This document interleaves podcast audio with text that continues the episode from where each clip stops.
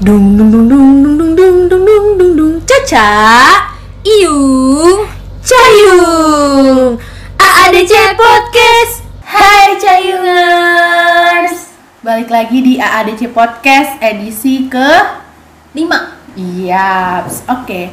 Jadi buat Cayungers yang sedang mendengarkan podcast kita, semoga pada sehat selalu di era pandemi ini ya.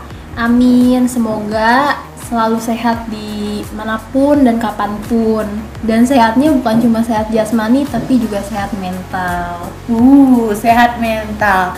Ngomong-ngomongin sehat mental, sekarang Yung lagi banyak mencuat di sosial media itu uh, semicolon Oh, tentang project semicolon. Nah, project semicolon ini katanya itu adalah hmm, dukungan buat seseorang yang mengalami kesehatan mental gitu. hmm, Nah, gue juga awalnya kayak kaget yung eh, apa nih project semicolon titik koma orang-orang banyak make ya di aplikasi TikTok gitu. Gue ngeliat tuh pada ganti foto profilnya kayak begitu kata gue. Ah, ngapain pakai foto kayak gitu kan? Kan gue bingung. Nah, gue baca di Sindo News kalau semicolon ini adalah project dari seorang uh, wanita yang bernama Ami Blue. Dia ini mendirikan proyek semicolon ini buat mendukung seseorang agar tidak mengakhiri hidupnya, Yung. gitu Iya. Jadi uh, proyek semicolon ini menandai dirinya yaitu dengan titik simbolnya itu titik sama koma. Iya, iya. Nah, titik sama koma ini kan kalau digunakan buat menulis itu buat biar nggak mengakhiri kalimat kan. Oh iya, sambungan ya Iya sambungan. Jadi eh, biar seseorang itu tetap terus menjalankan kehidupannya walaupun mungkin udah terpuruk banget. Jadi diibaratinnya tuh kayak apa ya, kita tuh penulis dari hidup kita sendiri nggak sih? Iya, jadi kita kayak menuliskan menuliskan ke cerita dalam hidup kita tanpa harus mengakhirinya gitu. Dengan Hmm. mengakhiri dengan buruk itu jangan jangan sampai kayak gitu. Oh gitu. Jadi Nah. kayak space buat hidup gitu ya. Maksudnya mau sesusah apa pun keadaan ada waktunya untuk kita istirahat tapi bukan berarti kita berhenti gitu. Iya begitu yuk. Jadi lagi banyak nih muncul nih apalagi di tahun 2021 ini banyak kejadian-kejadian ya banyak di masa Iya. pandemi ini banyak peristiwa-peristiwa mengejutkan apalagi di kalangan remaja katanya sih ya bulan-bulan Agustus kemarin itu banyak yang patah hati katanya banyak yang diputusin atau ditinggal atau di ghosting nah itu benar-benar kayak mengganggu kesehatan mentalnya. Gitu yung jadi makanya tuh mencuat lagi lah project semicolon di tahun ini. Tapi emang bener nggak sih Cak kalau kesehatan mental itu emang sangat penting dan nggak bisa dianggap hal remeh gitu. iya bener banget sih yung Soalnya eh, menurut gue ya di project semicolon ini itu tuh salah satu dukungan sederhana supaya kita tuh tahu kalau kita itu eh, banyak yang support gitu. Jadi Uh, banyak kita nggak bisa berhenti sepihak gitu. Iya, jadi jangan merasa sendiri ya. Mm-mm. Terutama untuk orang-orang yang suka uh, mengasingkan diri kalau di lingkungan sekolah atau apa di lingkungan rumahnya seperti itu kayaknya. Iya. Project Semicolon ini bagus sih. Dia tuh kayak simbol yang sebenarnya sederhana aja simbol cuma titik koma tapi memberikan efek yang luar biasa juga bagi orang-orang yang mengikuti project itu yang ikut serta gitu kan. Dengan sekarang ada aplikasi-aplikasi platform yang mendukung dan banyak jadinya bermunculan orang-orang yang awalnya sendirian merasa nggak ada siapa pun di dunianya mungkin. Jadi, jadi, mereka bisa ngelihat kalau oh ternyata banyak orang yang nge-support satu Iya, sama lain bernasib gitu. punya bernasib sama gitu. Dia nggak sendirian punya. Mungkin dia merasa dirinya itu eh, gagal di segala hal tautonya ada lagi yang lebih gagal gitu. Jadi mungkin mereka jadi saling support, Support. dan saling sharing ya Mm-mm, di project semicolon ini. Nah yang ngomongin project semicolon ini lu kayak merasa nggak diri lu tuh butuh juga kayak ikut dalam project tersebut kalau Gue- lu bisa sharing gitu ke kita ke Cayungers Hmm, gimana ya? Gue mungkin kalau buat sekarang-sekarang, alhamdulillah gue ngerasa gue fine fine aja gitu. Yang beneran fine ya. Mm-mm. Eh, tapi eh, throwback ke tahun 2016 Mhm. itu jadi salah satu tahun paling susah menurut gue. Oh, di diri gue ya karena eh, waktu itu kan kita kelas 6 ya Iya, tahun-tahun 2016 pas 2016 kelas 6 SD lah ya. Mungkin orang lain tuh bakal ngerasa tertekan sama yang namanya belajar buat UN Iya. terus milih-milih sekolah gitu. Iya. Stres gue itu itu stres paling parah karena eh, emang gue tuh ada riwayat insomnia gitu. Tapi ini terparah gue karena gue nggak tidur hampir 8 atau 9 hari. Nggak bener-bener maksudnya nggak bener tidur. nggak tidur sama sekali. Mm-mm. dan waktu itu orang tua lu tahu nggak? Nggak mungkin mungkin kayak gimana ya? Dulu kan gue masih tidurnya bareng sama mama kan. Jadi oh nih anak cuma tiduran gitu kan. Karena gue tidurnya berbalik gitu badannya. Hmm, jadi nggak terus dia ya? nggak nggak tahu nggak tahu kalau misalkan gue tuh sebenarnya nggak tidur. Mm-mm. eh 2016 itu jadi masa-masa paling sulit gue karena eh, apa aja? Ah, jangan udah jangan ditahan mulai dilepaskan karena kita di sini mau sharing-sharing ke Cayungers dan cerita-cerita tentang pengalaman kita. Jadi pas banget seminggu sebelum UN ya ayah gue meninggal. Oh my god. Dan itu diumumin pokoknya sehari eh, waktu itu gue inget banget sore jam 4 Mm-mm. kemarinnya itu tuh gue masih teleponan kemarin malamnya terus masih nanya kan dede bapak mau pulang? gitu. Mm. oh nggak apa-apa gitu. Ayo pulang gitu. Kita lebaran di sini gitu. Iya iya dan itu nggak ada suara-suara yang mencurigakan bener-bener Oh, kayak sejelas itu kayak kayak orang eh, emang sebelumnya kayak ayah lu itu sakit? Sakit. oh sakit gitu. Sakit terus ya sekitar 2 tahun gitu sakit. Terus sampai akhirnya kan eh, pas gue kasih mak eh, bapak gue itu dipindahin ke kampung kan. Mm-mm.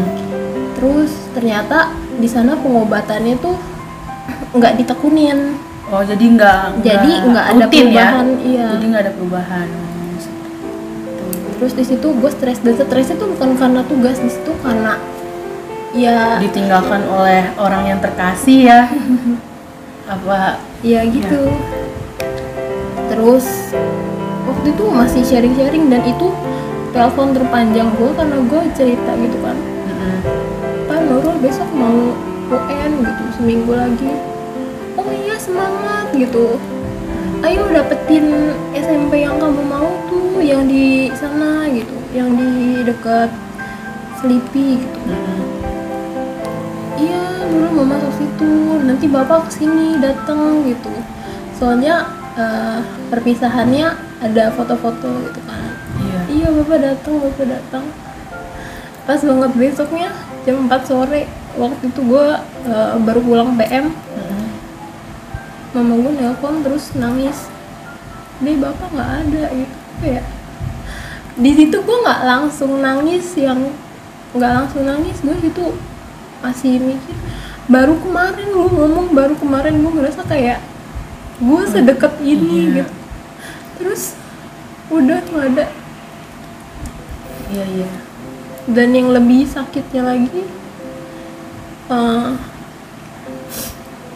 gimana ya Eh gue ngeliat mama gue nangis kakak gue yang bersikap eh, biasa aja.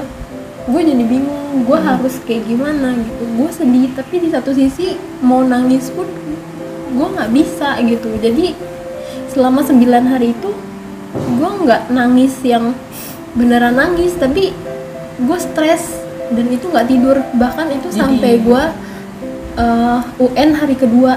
Sampai benar Mm-mm. oh jadi lo merasa jadi kayak terganggu nggak sih pas waktu UN itu? Jadi lebih ke- bukan terganggu tapi kayak eh, kosong. kosong gitu ya? Kepala gue kosong kayak karena nggak bisa mikir nggak ngerti harus kayak gimana kan gitu. Apalagi kita kehilangan seorang sosok bapak gitu ya. Dan gue emang dari dulu lebih dekat sama bapak gue kalau dulu kakak gue tuh lebih dekat ke mama gue gue ke bapak gue tapi gimana cara lu ngatasinnya waktu udah sampai hari UN kedua lu masih rasa kosong kayak gitu? Apa yang membuat lu kayak harus bangkit ngejalanin hari lu lagi? Karena gue tahu pasti bapak lu juga nggak bakalan seneng di atas sana kan ngelihat lu yang terpuruk kayak gitu apalagi lu masih SD masih muda gitu kan. Waktu itu uh, yang selalu nenangin gue tuh kakak gue kayak udah nggak apa-apa bapak nggak apa-apa udah nggak sakit gitu. Doain aja gitu. Mungkin kayak hal sepele gitu kan. Iya. Cuma kak- kakak gue tuh pernah bilang gini "Eh, kamu tuh mau masuk SMP gitu. Jangan banyak-banyak stres gitu.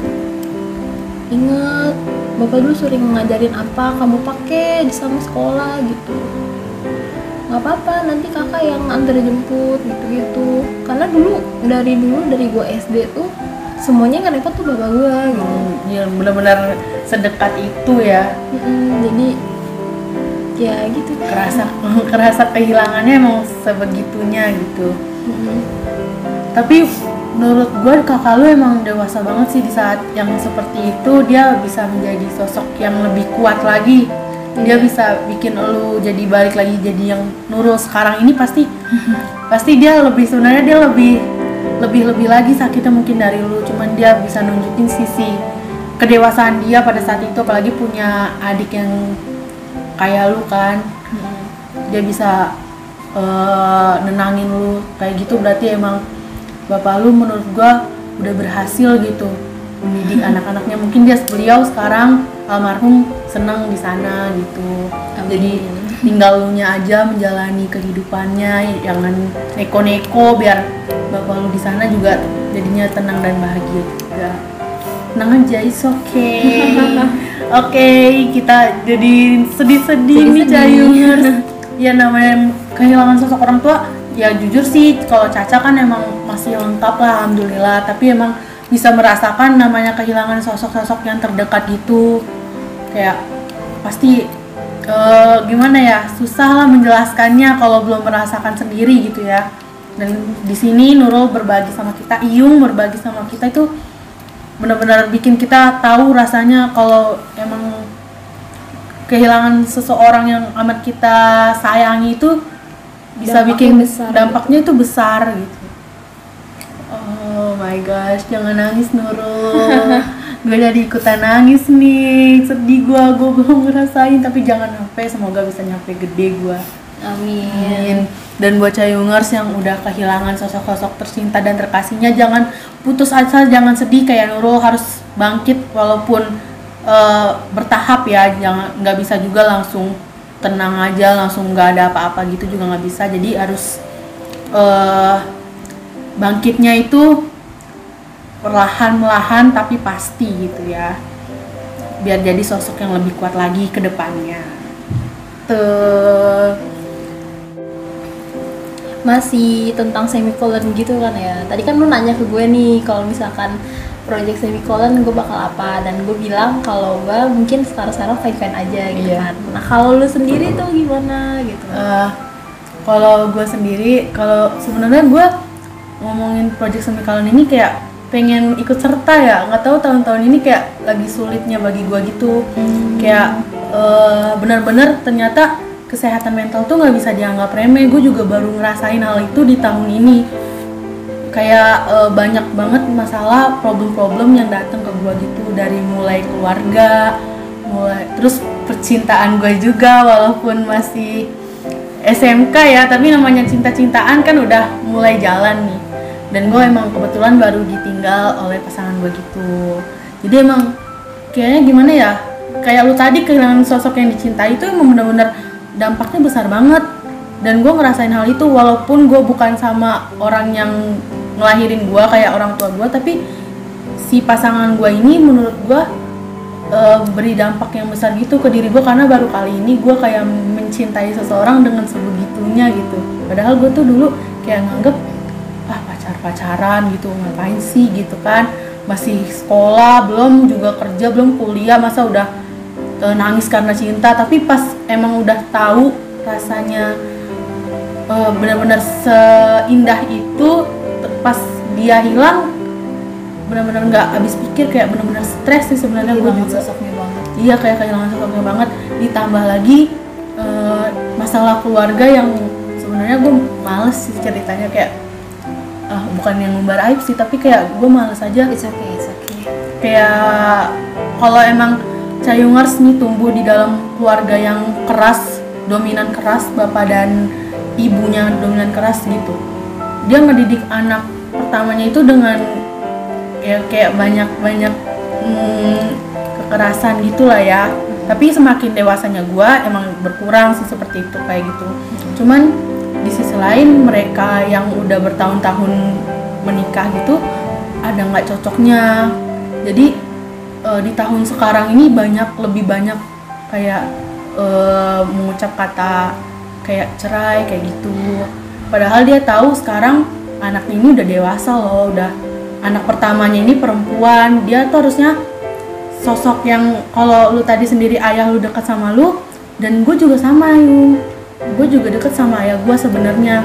Tapi di tahun ini gue kayak melihat sosok ayah gue itu kayak eh kayak gimana ya? Beda. Beda gitu.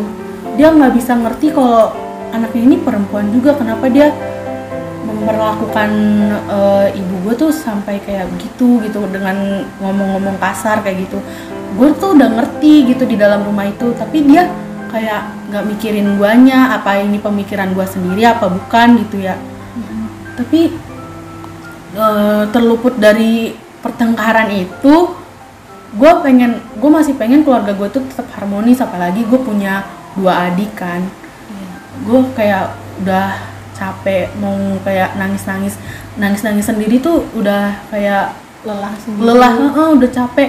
Ditambah lagi kayak hidup percintaan gue begini untungnya aja pertemanan gue bagus gitu. Dengan teman-teman yang benar-benar support gue dari belakang ditambah lagi project semikalan ini kayak di platform yang gue eh, ikutin kayak bikin gue mikir oh bukan gue doang yang ngalamin hal itu. Ternyata masih banyak orang yang ngalamin hal dan lebih buruk lagi sampai ke tahap ditinggalkan orang tuanya gitu. Dan merasa sendirian kayak nggak ada yang urus. Dan gue masih di tahap yang sebenarnya belum ada apa-apanya dibanding orang lain itu yang bikin gue kayak gue nggak bisa nih ngakhirin hidup gue kayak gini aja. Gue pernah terbesit buat melakukan hal-hal yang yang parah lah ya. Tapi gue mikir lagi mungkin gue bisa memperbaiki keadaan keluarga gue ke depannya kalau gue memilih untuk melanjutin hidup. Nah di semikalan ini gue juga jadi belajar gitu loh kayak eh, mengakhirin hidup itu bukan satu-satunya jalan gitu. Kayak lu jangan mau jangan mau eh, ninggalin dunia ini dengan keadaan lu belum jadi apa-apa gitu. Ya jadi jangan ada penyesalan Iya, sebelum iya, meninggalkan. iya jangan ada penyesalan gitu. Ya gitu deh. Gue di tahun keren di lu bisa bertahan sampai tahap Iya. ini. Iya, terima kasih. gue masih bisa bertahan sampai saat ini karena gue punya teman kayak lu, punya teman kayak yang di sekolah, yang lainnya itu bener-bener support banget sih ke diri gue karena dari dalam keluarga kurang support jadi dari luar untungnya banyak support. Dan dari orang-orang lain stranger-stranger lain yang mungkin gue kurang kenal tapi karena project semikalan tadi gue jadi bisa Jadi kenal. saling kenal, saling kenal saling motivasi. saling motivasi. Kayak gitu yung. Gitu deh keren gitu Cayungers jadi sebenarnya banyak problematika remaja yang eh, gimana ya kesehatan mentalnya yang banyak yang bermasalah gitu ya tanpa mereka sadari. Tapi kalau mereka bisa ngatasin mungkin kehidupannya itu bisa terus berlanjut dan lebih baik dan lebih kuat ke depannya. Kayak gitu Cayungers betul. Oke, nah udah kita sharing-sharing, udah cerita juga sedikit eh, sedikit problematika kita dalam kehidupan ini, ya. Nah, masa kita project semikalan aja, masa project semikalan kita habis stres-stres gak ada healing sih? haruslah Nah, nah ngomongin healing, healing itu apa ya, Yung? healing itu salah satu cara nggak sih kalau uh, di mana kita tuh mencari hal ternyaman kita untuk melepas stres terse- tersebut gitu kan mau mencari ketenangan gitu ya Mm-mm. iya Dari yang gue baca Ca di kompas.com, self healing itu adalah proses pemulihan yang umumnya terjadi kalau misalkan kita itu punya gangguan psikologis atau trauma atau semacam itu yang membuat kita tuh jadi terpuruk akan luka batin gitu. Ya hampir sama lah kayak mental gitu lah. iya kesehatan mental ya namanya luka yang udah Pasti bikin membekas.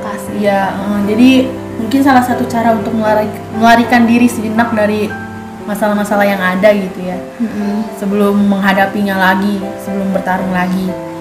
Nah, kalau healing sendiri kayaknya kebanyakan kalau di tahun-tahun sekarang kan apalagi pandemi ini healing itu sebenarnya enaknya kayak Jalan-jalan, Jalan-jalan. suasana yang Iya. hangat gitu kan. tapi kalau lagi pandemi gini kan emang susah ya buat jalan-jalan kayak begitu.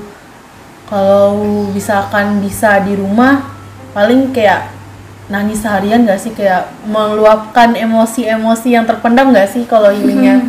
Karena kalau healingnya nggak mencari yang nyaman kan susah kan? Iya.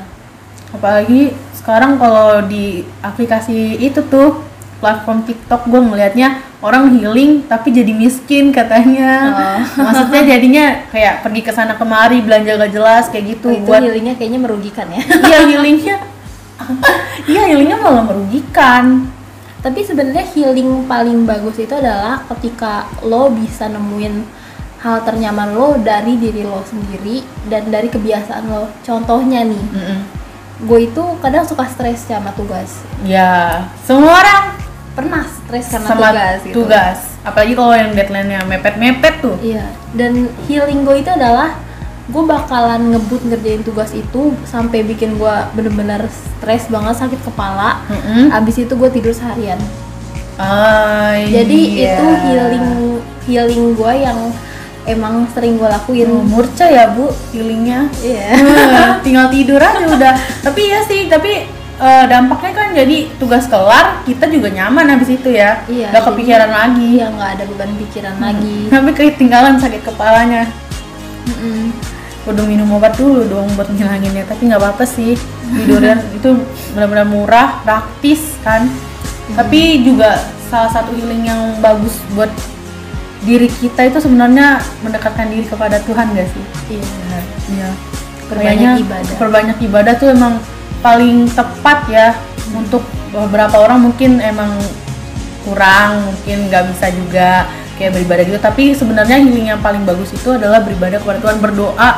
Apalagi kalau berdoanya benar-benar tulus gitu, sampai kayak Iya. nangis-nangis gitu. Pernah nggak sih lu kayak doa sampai nangis-nangis gitu? Kayak benar-benar kayak tersentuh gitu jiwanya. Itu benar-benar healing yang paling bagus habis itu. Tapi kita tenang gitu, Yung. Hmm, gue belum pernah nyoba sih. Eh, harus nyoba apalagi kalau kata orang-orang katanya eh, sholat-sholat di sepertiga malam tuh itu benar-benar Nyari jodoh bu.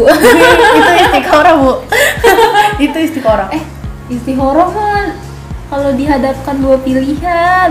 oh iya tapi sama aja lah Ya udahlah. meminta jodoh itu tapi eh, seenggaknya pokoknya kalau yang berurusan dengan Tuhan itu pasti bikin seseorang tenang. seseorang jiwanya tenang sih healing yang paling murah dan kitanya juga mendapatkan banyak pahala dari hal tersebut. Ya pokoknya apa pun agamanya ya apa pun agamanya healingnya itu kalau berdoa beribadah itu bisa membuat jiwanya tenang gitu. Dan kita masih bahas healing sih ya. Healing itu sebenarnya penting nggak sih?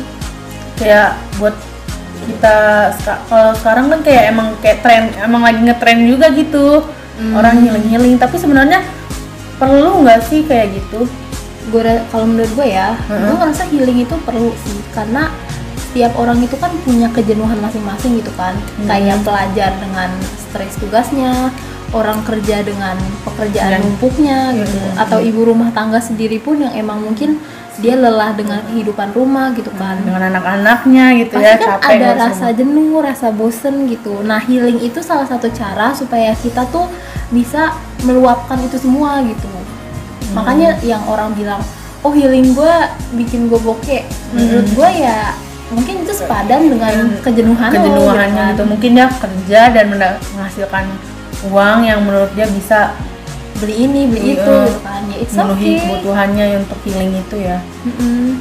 Tapi- jadi nggak ada salahnya ngelakuin apa pun yang eh, setidaknya tuh healingnya tuh yang emang kalian suka dan ibaratnya kalau anak sekarang kan kita BM nggak sih? Iya BM kita lagi BM apa gitu. Ya, lu lagi mau apa lu lagi pengen apa gitu. Beli aja asalkan lu ya seneng gitu. Iya. Nggak stres-stres lagi gitu. Tapi kalau kata gua emang sih healing tuh perlu tapi kalau orang-orang yang sekarang tuh kadang ada juga yang ngikut-ngikutin tren gitu loh. Oh. ya itu negatifnya tuh ada yang ikut-ikutan aja gitu. Hmm. ya kita nggak tahu sih emang orang itu beneran atau enggak. Tapi kadang dia emang bikin sesuatunya itu buat konten buat itu. Padahal hal tersebut kan kadang kan dilihat oleh oleh orang banyak kan. Iya. Ya makanya kata gue ya, semoga bukan konten gitu. Semoga bukan konten. Kalau emang ya bener semoga yang dia beri itu bagus buat dicontoh oleh orang lain gitu. Takutnya dia healing healing healing ngajakin orang yang kayak sekarang apa tuh? Bikin Negatif iya. negatif kayak bikin garis tangan di aduh.